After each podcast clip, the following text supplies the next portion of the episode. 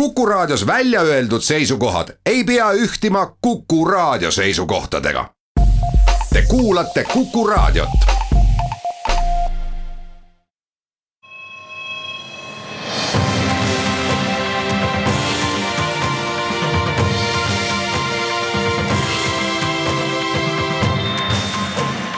Buum.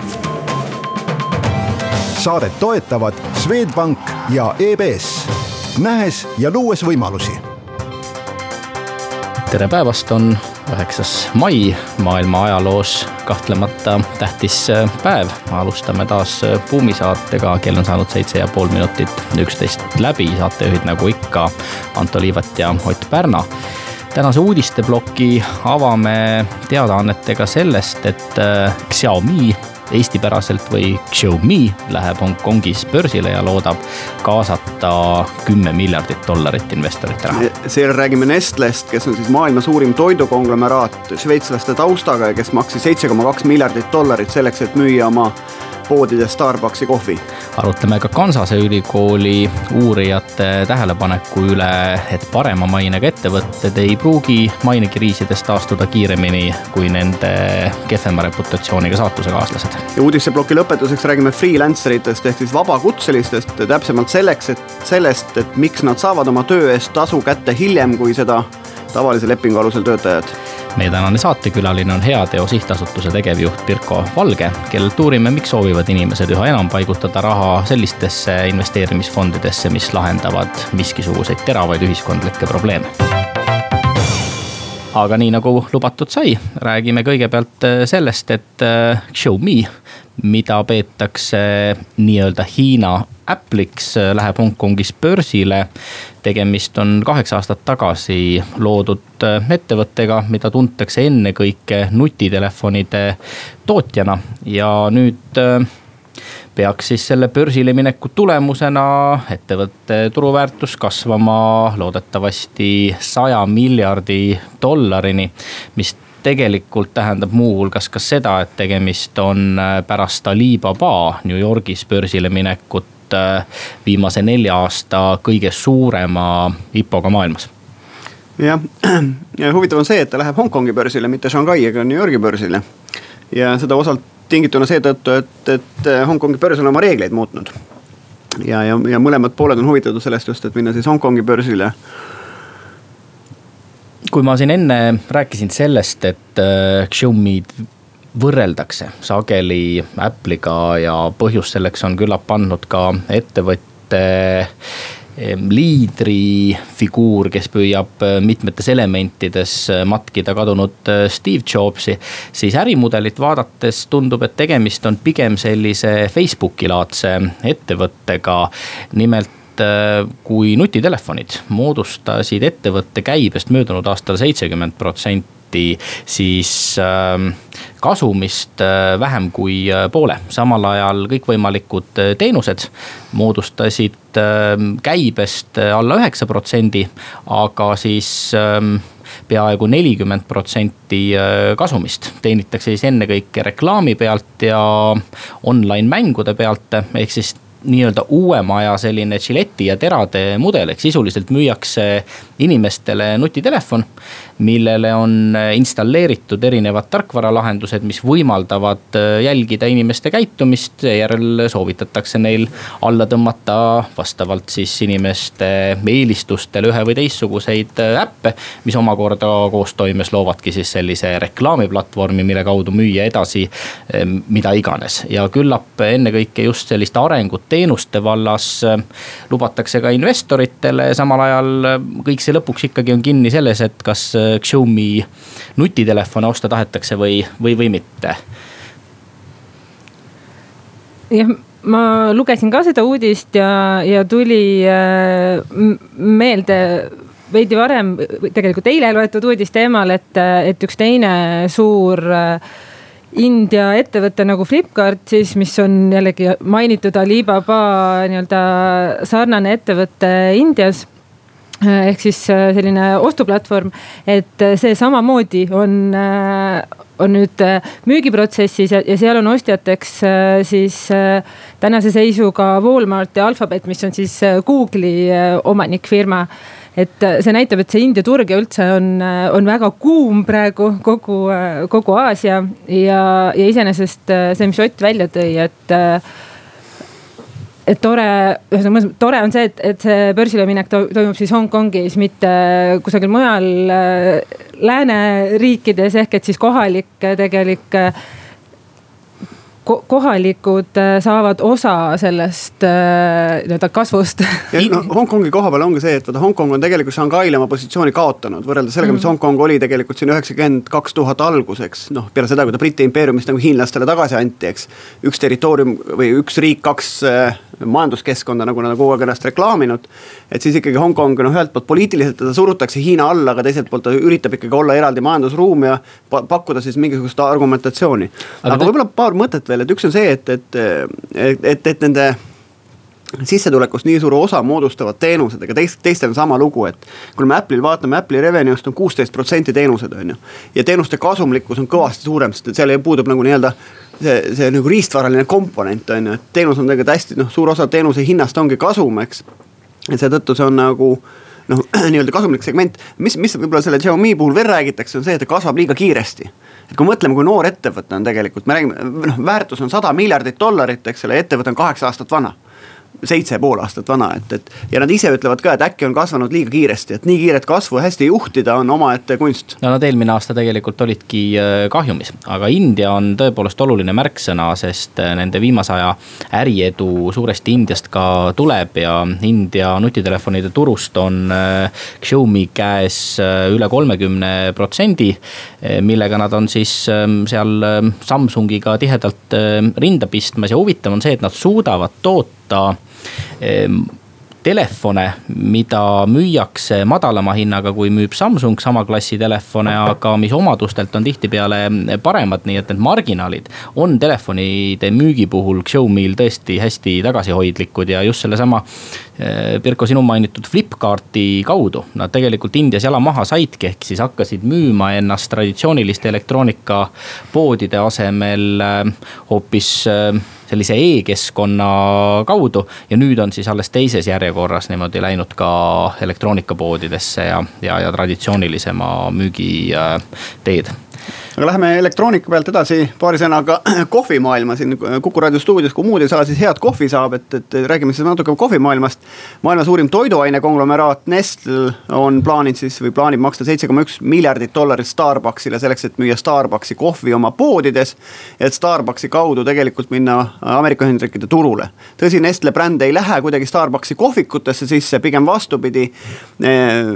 nii-öelda Nespresso ja teistes eh, Nestle kohvimasinates saab täna edaspidi siis eh, Starbucksi kohviube tarbida ja, ja need kohviube röstima hakkab ka tegelikult siis Starbucksi litsentsi alusel Nestlel ise. no Starbucksil ei ole kindlasti Nestlega võrreldavat äh, kogemust äh, jaekaubanduses ähm, või sellise brändikatusena ja iseenesest on tükk aega juba näha olnud, et nad soovivad keskenduda kohvikuärile, teiselt poolt on see suhteliselt julge käik, sest äh, noh, loodetakse, et inimesed selmet siis valmistada nüüd Starbucksi kohvi kodus lähevad ikkagi mingisugustel põhjustel kohvikusse huvitav on see, et Nestlel on tegelikult suur, kolmsada kolmkümmend viis tuhat töötajat, et ta on tegelikult suurem kui see kakssada kolmkümmend kaheksa tuhat äh, Starbucks, et ta on tegelikult suurem, ta on rikkam ettevõte. aga jah, et, et eelkõige USA turule minekust on, on tegelikult juht, jutt ja, ja muide Nestlel on üle saja aasta on Nestlel on tegelikult sada viiskümmend üks aastat vana ettevõte Šveitsist. et esimest korda saja aasta jooksul on seal tegelikult juht, kes on väljapool Nestlet. ehk siis see on uue juhi tulekust äh, tingitud äh, samm ka väga paljuski aga kuulame nüüd vahepeal ära kaubanduslikud teadaanded ja vestleme seejärel edasi.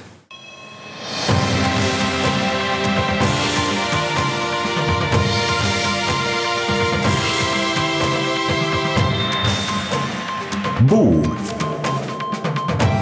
saadet toetavad Swedbank ja EBS, nähes ja luues võimalusi oleme tagasi Buumi eetris, saatejuhid Anto Liivat ja Ott Pärna, meie tänane saatekülaline on Heateo sihtasutuse tegevjuht Pirko Valge, kes aitab meil ka uudiseid kommenteerida. üldiselt äh, arvatakse, et et parema mainega ettevõtted peavad avalikkuse tuleproovidele ka üksjagu paremini vastu, kui asjad hapuks lähevad ja mainekriisid ettevõtet räsivad. nüüd on aga Kansase ülikooli teadlased oma uurimistöö põhjal teada andnud, et see ei pruugi sugugi alati nii olla. ehk siis tihtipeale parema mainega ettevõtted siiski ei taastu reputatsioonikriisist kiiremini kui nende vähem lugupeetud võetud saatusekaaslased ja arvatakse ennekõike, et ähm, sellel võiks olla siis ähm, kaks põhjust. ühelt poolt ähm, tõsiasi, et äh, läbi sotsiaalmeedia on informatsioon ettevõtte tegevuse kohta üksjagu paremini kättesaadav äh, ja ka kergemini äh, vahetatav. ja teiselt poolt siis kipuvad inimesed olema nii harjunud juba kõikvõimalike asjade guugeldamisega ja teevad seda enne, kui nad üldse mõne ettevõtte kliendiks hakkavad või tema tooteid äh, tarvitavad?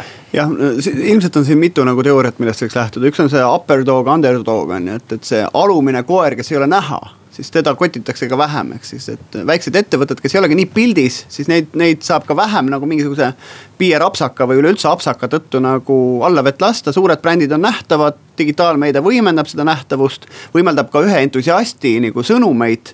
noh, et kui keegi tahab seda teemat uuesti nagu ventilaatorisse lasta, siis ta kirjutab kuskil New York Postis mingisuguse või New York Timesis mingisuguse loo ja see on jälle üleval, eks et, et seetõttu on just noh, suured ettevõtted ongi nähtavad ja printsiibis nad seetõttu ilmselt saavad ka rohkem nagu noh, suurema laksu selliste asjade eest. teine siis, see pole takistanud, noh jah, on suured trahvid Volkswagenile kirjutatud, kui Volkswageni näide nüüd tuua. Volkswagenist sai ikkagi selle kriisi käigus maailma suurim autotootja jälle ja mis võib-olla veel huvitav on, et kui me vaatame Volkswageni tegelikult siis portfelli brändidest, et, et siis Volkswagen on saanud nagu sugada, aga seal taga tegelikult on Audi, Porsche, Škoda, Seat, Bugatti, Lamborghini, noh et, et terve rida brände, kes ei ole saanud tegelikult, aga, aga samas jällegi Porsche juht pandi nüüd kinni. ehk siis, et teatud, vaata see ühe platvormi põhjal, põhjal autosid ehitamine, mis, mis teeb autod odavamaks, aga see tähendab seda, et kui sul üks diiselmootor ühel autol on nagu nii-öelda võltsitud andmete läbi oma, oma mingid müügiload saanud ja sedasama mootorit, ma ei tea, kolm, null diiselmootorit kasutatakse ka siis selle teiste brändide autodel, et siis see noh, võib mõju üle minna ka teistele brändidele. eeldades, et äh, Kansase uurijatel on äh, õigus ja hea mainega ettevõtted saavad reputatsioonikriisis äh, vähemalt sama kõvasti pihta ega taastu sellest kiiremini kui kehvema mainega ettevõtted, siis ähm, olles pragmaatik, Pirko, milleks üldse kogu selline ühiskondlikult vastutustundlik käitumine, kui halbadel aegadel sellest tuhka ei kasva ei ole?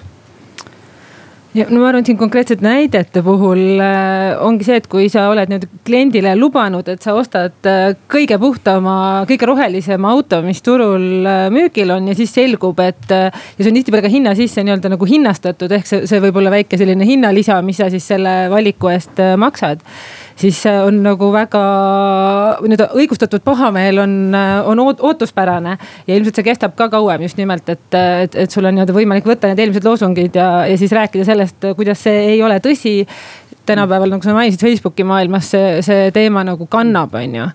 Äh, et äh, igaüks saab öelda, et minul on ka see auto äh, Volkswagen, mis sa arvad sellest, mis sa nüüd ütled et, et miks ma sellega sõitma huvitav on see, et seda, seda noh, seda õhureostust või üleüldse autoreostust võib võtta sajast erinevast prismast lähtuvalt. üks asi on see, see Volkswagen, mul on ka Volkswageni buss, mis võtab, ma ei tea, seitse liitrit saja peale kütust. mul oli kunagi mingi Peugeot buss, mis võttis viisteist liitrit, ameeriklane võttis veel rohkem, on ju.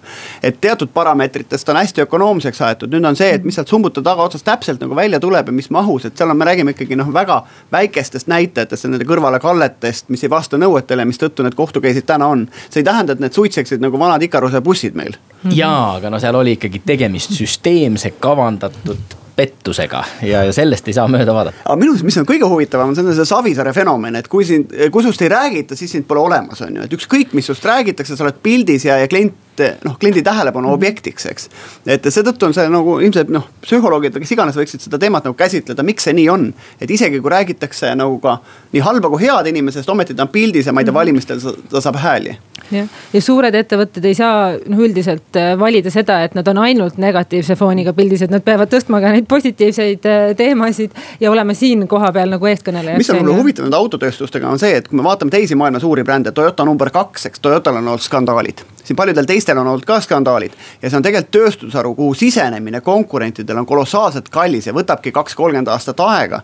mistõttu meil ei ole valikut et, et maailma suurim autotootja jääb maailma suurimaks autotootjaks, sõltumata sellest, kas ta siis maksab kümme miljardit vahepeal trahvideks või ta seda ei maksa. aga teadmiseks siis kõigile suurte ettevõtete juhtidele, et ähm, uuringute põhjal umbes kaks aastat läheb aega, enne kui äh, ettevõtted äh, jõuavad tagasi äh, sinna usaldusväärsuse tasemele, kui, kus nad olid siis enne kriisi puhkemist. Äh, ma siin võib-olla, võib-olla tooks sisse ühe Priit Pulleritsu mõtte, kes kunagi rääkis ühes loengus väga hästi seda, et, et kuidas negatiivset trendi ei saa murda. et negatiivse trendi kõrvale tuleb luua uus positiivne trend et kui sa hakkad nagu õigustama, et ei, ma ei ole kiilakas, on ju, noh, sa jäädki seda õigustama, sa pead ikkagi mingeid oma muud, muid tugevusi nagu mängu tooma, kui sa tahad kuidagi uuesti nagu noh, mingit, mingit äh, teist kuvandit endale ehitada. aga tugevustest rääkides, siis äh, Priceonomics on meile teada andnud äh, oma uuringute põhjal sellest, et vabakutselistele makstakse arved ära hiljem kui äh, ettevõtete omavahelises tegevuses. Äh, tihtipeale Ameerika Ühendriikides siis äh, umbes kolmkümmend protsenti on neid arveid, mida makstakse etteantud tähtajast hiljem. noh, Eestis üldiselt tasutakse keskmiselt arveid umbes nädal aega tähtajast hiljem, aga naistele tuleb välja, et makstakse vabakutselistele naisterahvastele siis arved ära veel üksjagu hiljem kui meesterahvastele. mis te arvate, miks see nii on? no ükskõik, mis siin öelda, siis on tõlgendatav šovinismina ilmselt, eks, aga. aga no võib-olla üks hüpotees, mis ma võiks öelda, on see, et siin on erisused tegelikult sees ka, et mis valdkonnas see inimene töötab ühelt poolt, et see naine-mees ei ole ainuke nagu erisus, mis on. aga ma arvan, et siin võib-olla üks põhjuslikkus on see, et, et et see taust, mille pealt naised seda freelancerlust teevad, et kui nad väga nagu MTÜ-liku tausta pealt tulnud siis on terve rida tegevusi ja töid seal ongi sellised, mis on oma olemuselt nagu vabatahtlikud on ju. ja kui sinna tekib nüüd natuke raha juurde, siis seda raha võib-olla oleks valmis kauem ootama, kui sul on tegelikult nagu patsiga poiss, kes kirjutabki koodi freelancer'ina, aga ta kirjutab kümnele ettevõttele. või disainer, kes teeb kümnele ettevõttele noh, mingit disaine, eks. et siis ta on võib-olla algusest peale sellele tegevusele rohkem kommertslikult lähenenud. ehk siis, et alati uuringud, uuringutes sa pead selliseid asju arvesse võtma, et mis see kontekst võib olla, et miks need tulemused erinevad paistavad, et see ei pruugi alati mingisugune kiuslikkus olla või kuidagi noh need põhjus-tagajärg ei pruugi seoses olla jah, ma ei julgeks siin seda uuringut nüüd konkreetselt vabatahtlikkuse taustaga otseselt siduda, et kui seal uuriti äh, siis äh, neid freelancer eid või vabakutselisi, et seal on kindlasti. tihtipeale on vabakutselised need, kes ei, ei saa endale lubada seda nii-öelda tasuta tööd, on ju, vaid tegelikult nende töö ikkagi ongi lihtsalt väiksemates juppides ja rohkemate, rohkematele organisatsioonidele või ettevõtetele. et noh, ma arvan, et siin kindlasti, ma ei tea, Shelly, Sheryl Sandberg on kirjutanud raamatu sellest nagu lean in on ju, et et, et julgustada naisi nii-öelda iseenda eest äh, seisma ja, ja kindlasti siin on element sellest, et naised võib-olla on äh, kannatlikumad või natukene nii-öelda vähem võib-olla nagu äh, seisavad äh, e-, enda huvide eest, on ju. ja, ja siin on kindlasti noh, ühesõnaga seesama toimub ka ettevõtetes on ju, kui me räägime palgalõhest või millest Ilgas, et me võime võtta need, seda konteksti arvesse.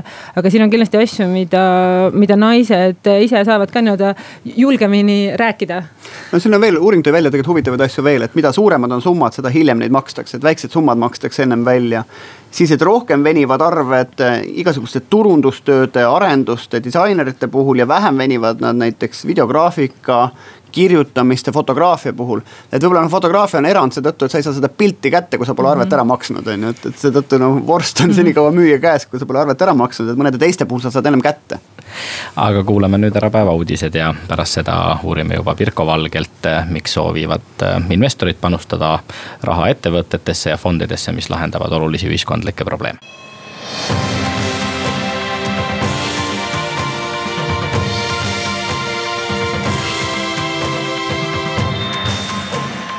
Buum.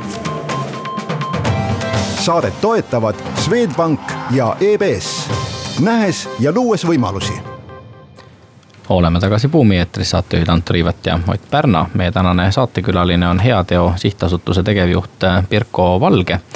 räägime mõjuinvesteeringutest ja seda tüüpi investeerimisfondidest, kuhu investorid panustavad raha, et lahendada miskisuguseid olulisi ühiskondlikke probleeme. aga enne kui me sinna jõuame, Pirko, ole ja räägi mõne sõnaga, millega Heateo Sihtasutus veel tegeleb ja milliste eesmärkide saavutamiseks on tema loodud jah, me heategu saab mai lõpus nüüd viieteistaastaseks, nii et meil on selles mõttes, millest rääkida, et me oleme loodud Eesti eraisikute poolt selle eesmärgiga, et käivitada ja kasvatada mõjusaid ühiskondlikke algatusi. et me oleme siis ise käima tõmmanud üle kümne algatuse, äh, Uuskasutuskeskus, ma ei tea, Noored Kooli, Terve Eesti Sihtasutus, äh, kiusu, Kiusamisvaba Kool on võib-olla mõned äh, näited nendest. oleme hästi palju teinud oma aja, ajaloo jooksul koostööd suurettevõtetega, näiteks Swedbankiga käivitasime kümme aastat tagasi Ma armastan aidata annetuskeskkonna kolm aastat tagasi käivitasime koos kodanikuühiskonna sihtkapitaliga Nula inkubaatori, kus siis nüüd me toetame juba nii-öelda järgmisi käivitajaid, algatajaid oma ideede ellukutsumisel. Ja, ja selle aasta alguses siis äh, mõju, heatöö mõjufondi, mille, mille mõte on siis jällegi toetada rahaliselt nende algatuste, mõjusate algatuste kasvu sa oled EBS-is õppinud, töötanud äh, Teater NO99 üheksas, Swedbankis, KPMG-s. kuidas äh, sa läbi nende erinevate verstapostide ja miks ennekõike Heateo Sihtasutuse etteotsa jõudsid? Jah, mu esimene selline kõige tõsisem töökoht oligi äh, KPMG Estonias äh, selline äh, juhtimiskonsultandina, siis alustasin kõige esimeselt tasemelt ja töötasin siis viis aastat ennast, ennast nagu ülesse, nagu väga hea elukool. Aga, aga samas ma ei oska öelda täpselt, miks, aga ma juba KPMG-s töötades tundsin seda, et ma ilmselt kümne aasta pärast ei jõua enam sama tempoga sama asja teha, nii-öelda võtta ette äh, kolmesaja viiekümnendat ettevõtet ja aidata temal nii-öelda strateegia valmis saada, et ma tundsin, et mu elus peab olema veel midagi. ja siis ma täiesti juhuse tahtel leidsin Eesti Ekspressist äh, heateo töökuulutuse ja, ja helistasin neile, ütlesin, ma tööle ei taha tulla, aga see, mis te teete ja see, kus te mõtlete, et see on väga põnev, et äh, kuidas ma saan oma teadmistega abiks olla. ja minust sai siis heateo selline nii-öelda professionaalselt vabatahtlik ehk selline nii-öelda ekspert, kes nagu pro bono oma aega panustab algatustesse. Ja, ja kui ma heateosse siis äh, nüüd kolm-neli aastat tagasi tööle läksin päriselt täiskohaga, siis ma sain ka öelda, et ma olen olnud äh, heateo kõige pikem vabatahtlik äh, selle aja jooksul. aga jah, see, see äratundmine tuli väga-väga kuskilt äh, minu seest, et, et mul peab olema veel väljundeid, nagu ma tahan midagi veel ära teha. jah, tervitame siis siinkohal ka Artur Taeveret, kes oli Heateo Sihtasutuse esimene juht ja Hannes Tammjärve, kes selle asja kahe tuhande kolmandal aastal käima lükkas või seda õigupoolest rahastas minu teada et palju õnne neile, aga Pirko, räägi seda, et, et nüüd viisteist aastat on möödas, et, et ja sa rääkisid seda, mida suurepärast on Heateo Sihtasutus teinud, et. et milline on viieteist aasta pärast kolmekümne aastane Heateo Sihtasutus? Väga põnev küsimus, ma olen, äh, et ühtepidi me läheme küll sellise natuke nagu startup mõtteviisiga ka, et me võtame nii-öelda järgmise projekti ja, ja teeme selle ära ja vaatame, kui suureks seda annab nagu kasvatada. aga mulle tundub, et see strateegilise filantroopia ja see fond nii-öelda eraraha kaasamine ühiskondliku muutuse loomisesse on see, mida me tahaksime teha pikalt ja veel suuremalt, et. et muidugi me uni, unustame sellest, et meil ei oleks tulevikus mitte lihtsalt mõjufond, vaid, vaid meil oleks nagu hariduse fond ja kultuurifond ja, ja ma ei tea, ühesõnaga sotsiaalteemad teemade, ma ei tea, laste-perede fond ja mõned keerulisemad teemad sinna otsa nagu äh, ma ei tea, narko või narkorehabilitatsioon või. ühesõnaga, et, et võtta nagu erinevaid valdkondi ja ehitada nagu siis erinevaid fonde, aga meie tänane fookus on, on väga hästi käima lükata see esimene nii-öelda selline fond, mis, mis. Teie inglisekeelne nimi on Good Deed Foundation, kas see tähendab, et te plaanite ka nagu väljapoole Eestit minna, näiteks ka sama mõjufondiga, et, et kas te vaatate ainult Eesti ühiskondlikult mõjukaid projekte, kuhu õlg alla panna või vaatate ka laiemalt? Me hetkel oleme keskendunud Eestile, aga selles mõttes nagu Baltikumis ühtegi sarnast fondi ei ole, nii et, et see oleks väga loogiline. ma arvan, et regionaalne koostöö aina kasvab, et, et aina tihedamini me oleme ruumis, kus on norrakad, rootslased, soomlased, Baltikumi inimesed. et selles mõttes ma näen, et siin kindlasti on potentsiaali nagu mõelda natukene rohkem piiride üleselt ja me teeme ära, on läinud nagu Eesti piiridest väljapoole, et tegelikult me tahaksime neid järgmisi edulugusid samamoodi luua oma fondiga. kui Eesti piiridest väljapool rääkida, et keda sa ise vaatad nagu sellise sarnaste fondidena, selliseid kui edulugusid ja võib-olla ka nende juhte, et kes sul eeskujuks on? Jah, juhtidega on selles mõttes äh, keerulisem, et need fondide taustad on hästi, tihtipeale on see nagu, põhimõtteliselt kolmest suunast võivad nad tulla, on ju. üks on see, et, et tegelikult näiteks äh, Inglismaal on nagu riik teinud nagu imelisi asju selle jaoks, et väga suuri ja hästi, suuri ja mõjusaid fonde sünniks, et. et üks näide on näiteks äh, siis Big Society Capital, mille siis Inglise riik asutas Äh, võttes kõikidelt nüüd tehes seaduse, et kõik pangakontod, kus on äh, raha, mida viisteist aastat ei ole puudutatud. et siis nii-öelda need äh, summad transferis siis põhimõtteliselt ühe, ühte uude fondi, mis investeerib siis ühiskonda tagasi. et põhimõtteliselt selline julge otsus riigi poolt ja noh, ühesõnaga ühel hetkel tekivad ka Eestis need kontod, kus võib-olla on viiskümmend aastat seisev raha. kusjuures see on poliitiline initsiatiiv, see on David Cameroni kaks tuhat üheksa nagu manifestis ja Big Society manifesto või mida iganes ta mm -hmm. oli, et selle, selle taustal tehti seda Big, Big Society Capital ja mm -hmm. minu arust Big Society mingi asi tehti veel ja, ja ühesõnaga siis teine on nagu näiteid, kus äh, siis väga jõukad eraisikud teevad ise oma fondi, et noh, tihtipeale ma ei tea, seal Kesk-Euroopas on, on sellised nii-öelda kuninglikud perekonnad, kellel kindlasti on nagu oma fondid, on ju, et noh, seda me ei saa siin Eestis kopeerida, sest me, meil seda mudelit, mudelit ei ole. ja, ja noh, ettevõtete juurde on selles mõttes tehtud, et, et nii, ma ei tea Äh, Goldman Sachs või Erste Capital, kes siin Ida-Euroopas toimub, BNP äh, Paribas, ühesõnaga kõikidel on oma nii-öelda nagu fondid, äh, mis nagu vaatavad siis. Nad on alustanud tihtipeale sellise nagu heategeva fondina, aga siis sotsiaalse ettevõtluse kasvades on aina rohkem andnud laenu, kuni lõpuks nad on juba siis sellised nii-öelda tulu ootavad, tootvad. no üks võib-olla selle valdkonna pioneer Euroopas ja maailmas üldse on Jeff Mulgan, kes on Young Foundationi juht ja praegu juhib Nestat, brittide siis think tank'i ja ka samamoodi sotsiaalset nad investeerivad ka sotsiaalsetesse innovatsioonidesse mm -hmm. eri valdkondades. sa oled öelnud, et tegemist on mõjufondide puhul ühe kõige kiiremini kasvava investeerimisvaldkonnaga. miks ikkagi äh, ennekõike jõukad inimesed äh, soovivad otsida oma raha paigutamiseks äh, suurema ühiskondliku mõjuga võimalusi? See ühtepidi jah, kindlasti võib öelda, et see on nagu buzzword on ju, et sellest äh, noh, see, see, see tuli, et, et, et nüüd sa ei, mitte lihtsalt, kõigil on kogemust seal lihtsalt nagu andmisega, on ju. et, et sa toetad mingeid ägedaid algatusi ja kui, kui sellest hakati rääkima, tegelikult noh, sul on endal kuskil mingi fond, mis, mis sul, ma ei tea, rahasid või vara investeerib. et siis nüüd äh, saad sa ka sellelt nii-öelda tulu teenida või ühesõnaga, et siin on nagu mudelid, mida, mida saab teise nurga alt vaadata, et see, see tundus nagu tohutult põnev ja, ja noh, see kiirus, millega siis need tavapärased fondid on, on kas nagu öelnud, et osa meie portfooliost, kasvõi pensionifondi puhul läheb näiteks ühiskondliku mõjuga lahendustesse. et see tempo on hästi suur, kuidas neid äh, tekib. nii et, et see on selline mõnes mõttes nagu ühelt poolt selgelt selline tarbijate äh, siis äh, surve, et, et neid tundub hetkel, et, et mõnes mõttes seda raha tuleks väga kiiresti siia sektorisse juurde, kui oleks nagu neid mudeleid, mis seda raha genereeriks, aga ilmselgelt kõik mudelid jätkuvalt ei ole sellised nagu kasumit tootvad. eks ta on natuke see ka, et, et kui sul on nagu sada tuhat eurot, siis on see võimalus, kui sul on miljon või kümme miljonit eurot, see on sul probleem, et, et teda hoida kuskil, et see raha vähemalt säiliks, rääkimata sellest, et ta kasvaks, on ju. ja kui ta niikuinii näiteks ütleme deposiitidel kogub negatiivset intressi, siis parem andku talle mingit ühiskondlikku kasu, et kui ta niikuinii rott sööb nagu pangakonto otsast ära, eks. et ilmselt see on üks põhjus, teine on see, et rikkad eraisikud ikkagi, aga ka ettevõtted, eks nad püüavad seda indulgentsi osta nagu, et ikkagi teise silmas saada nagu taevasse, mitte põrgusse on ju, ehk siis midagi sellele ühiskonnale nagu tagasi anda, see on loomulik. ja eh, noh, keeruline on seda teha ise, sest et siis sa pead minema kätt-jalgupidi nende väikeste MTÜ-dega ise kaasa, et kui seal vahepeal on mõni mhm. fond nagu Heateo Sihtasutus või mõni teine kes kogubki portfelli kokku ja kes nagu tegeleb nende ettevõtete või nende sotsiaalsete ettevõtetega, siis on vähem muret sellele rahaomanikule.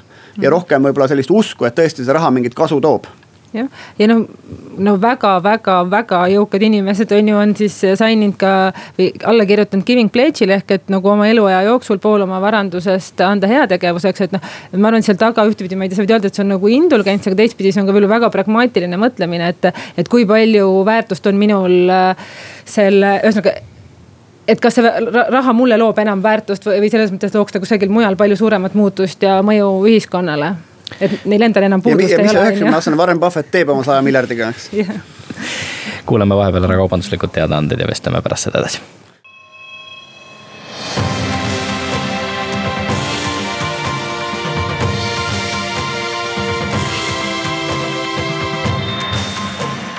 Buum. saadet toetavad Swedbank ja EBS, nähes ja luues võimalusi oleme tagasi Buumi eetris, saatejuhid Anto Liivet ja Ott Pärna. meie tänane saatekülaline on Heateo sihtasutuse tegevjuht Pirko Valge. räägime mõjufondidest. veebruarikuus äh, tegite te siis äh, teatavaks ja käivitasite Baltikumi esimese strateegilise filantroopia äh, fondi. kui suur selle fondi maht tänaseks on ja kui palju need inimesed, kes fondi raha pannud on, selle pealt tagasi teenida soovivad? Jah, selle mõjufondi nimi sündis täp-, just täpselt sellest, et me jätsime vahelt ära mõju, sõna investeeringud, ehk et see ei ole mitte mõju investeeringute fond, vaid mõjufond, et kui me maailmas räägime juba sellest, et see ökosüsteem ongi nii tihe, et seal on nii-öelda fondid siis, mis annavad lihtsalt nii-öelda toetusi kuni nendeni, kes teenivad raha, et siis meie platseerume sinna vahepeale, et me, meie oma nii-öelda tootlusena ootame ühiskondlikku mõju, ehk et me paneme kogu rõhu sellele, et, et algatused, kellega me töötame, mõõdaksid mõju, töötaksid selle nimel ja me rahastame seda, et nad saaksid seda siis mõjuga tegeleda ehk siis, kuna see mõju ja. mõõtmine, eriti selline pool mittetulunduslike või mittetulunduslike ettevõtmiste puhul on üsna keeruline, siis te ootate, et need projektid, kes teie käest raha soovivad saada, suudaksid väga selgelt ära näidata, kuidas nad äh, mõju mõõdavad. jaa ja see noh, meil on siin Eestis hea, häid näiteid nagu Kiusamisvaba kool, mille mõju mõõtmise taga ongi juba nii-öelda teaduslikud äh, ülikoolide poolt äh, tehtud uuringud.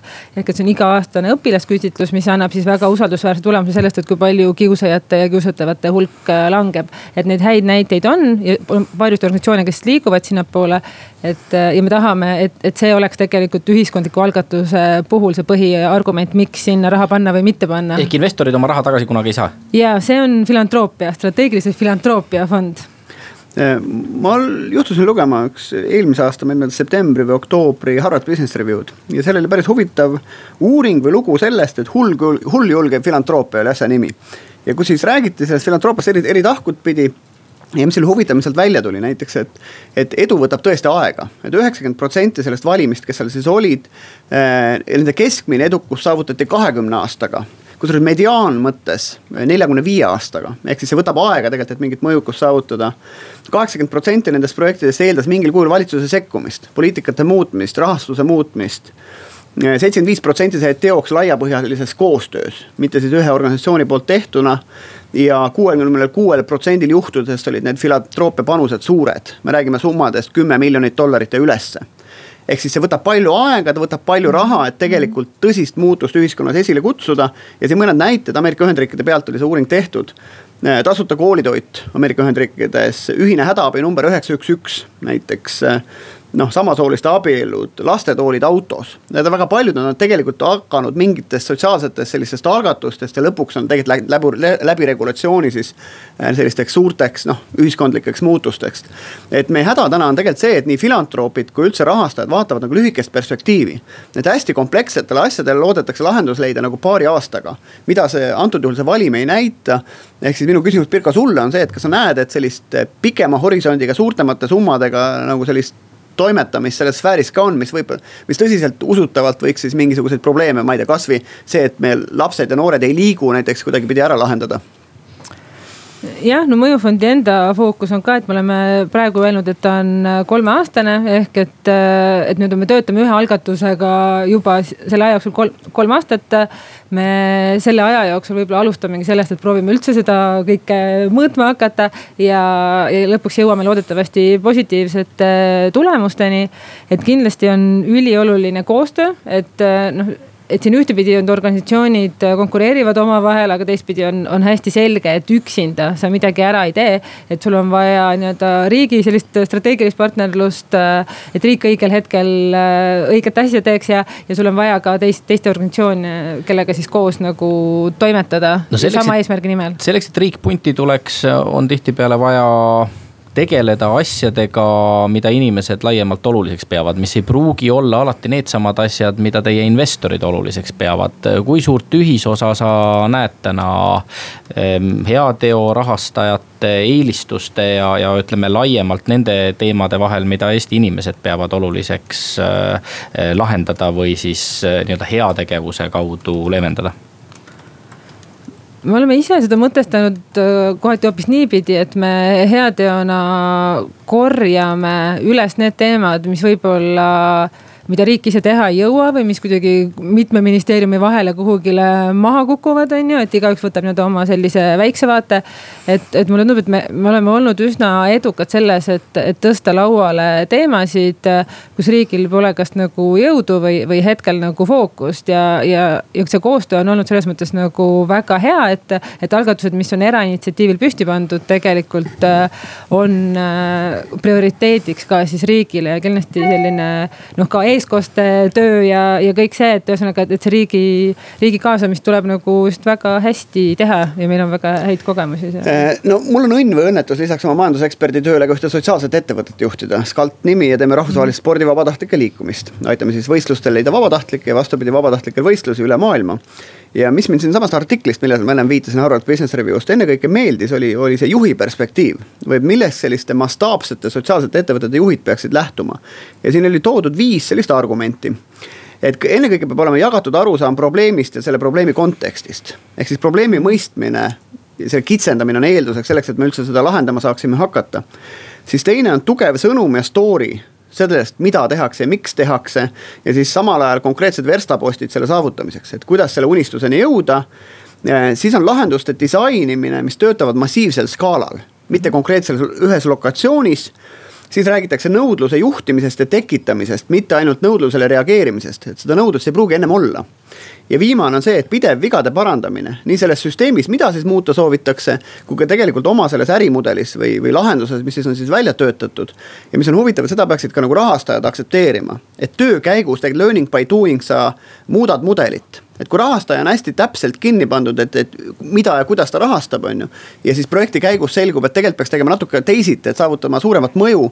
siis tihtipeale need, noh sealt lähevad need asjad lukku. Need on väga head tähelepanekud, Pirko, kuidas teie otsustate, millistesse projektidesse panustada ja kui keegi tahaks nüüd raadiokuulajatest mõne ideega teie juurde tulla, siis millega ta arvestama peaks? jah, me lähtume oma sellest nii-öelda sissearvamisprotsessis äh, väga sellisest äh, nii-öelda riskikapitali äh, põhimõtetest, ehk et me läheme väga sügavale ja kaevume sinna organisatsiooni sisse, nii sellesse põhimõtteliselt äh, asjades, mis, mis Otsin paljuski nimetas, et mis on see lahendus kes on see meeskond, sest see põhimõtteliselt kogu teema käibki läbi õppimise, et sa, sa hakkad midagi tegema, sa leiad asju, mida sa pead parandama, sa pead nagu väga kiiresti suutma reageerida, sa pead olema väga pühendunud, et sa ei saa töötada nii-öelda viiel ametikohal ja samal ajal juhtida midagi väga mõjusat, on ju.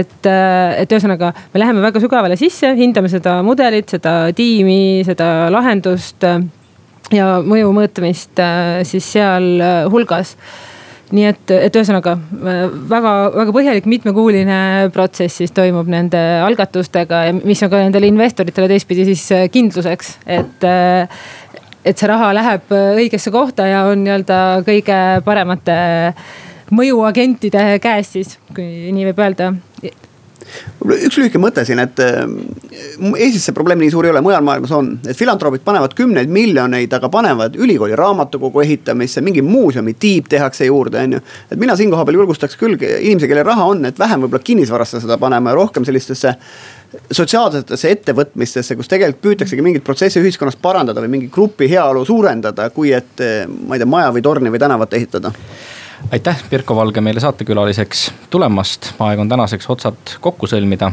Buumiga oleme eetris juba täpselt nädala pärast, siis on meie külaliseks aasta kultuurisõbra tiitli pälvinud ettevõtja Rain Lõhmus, kuulmiseni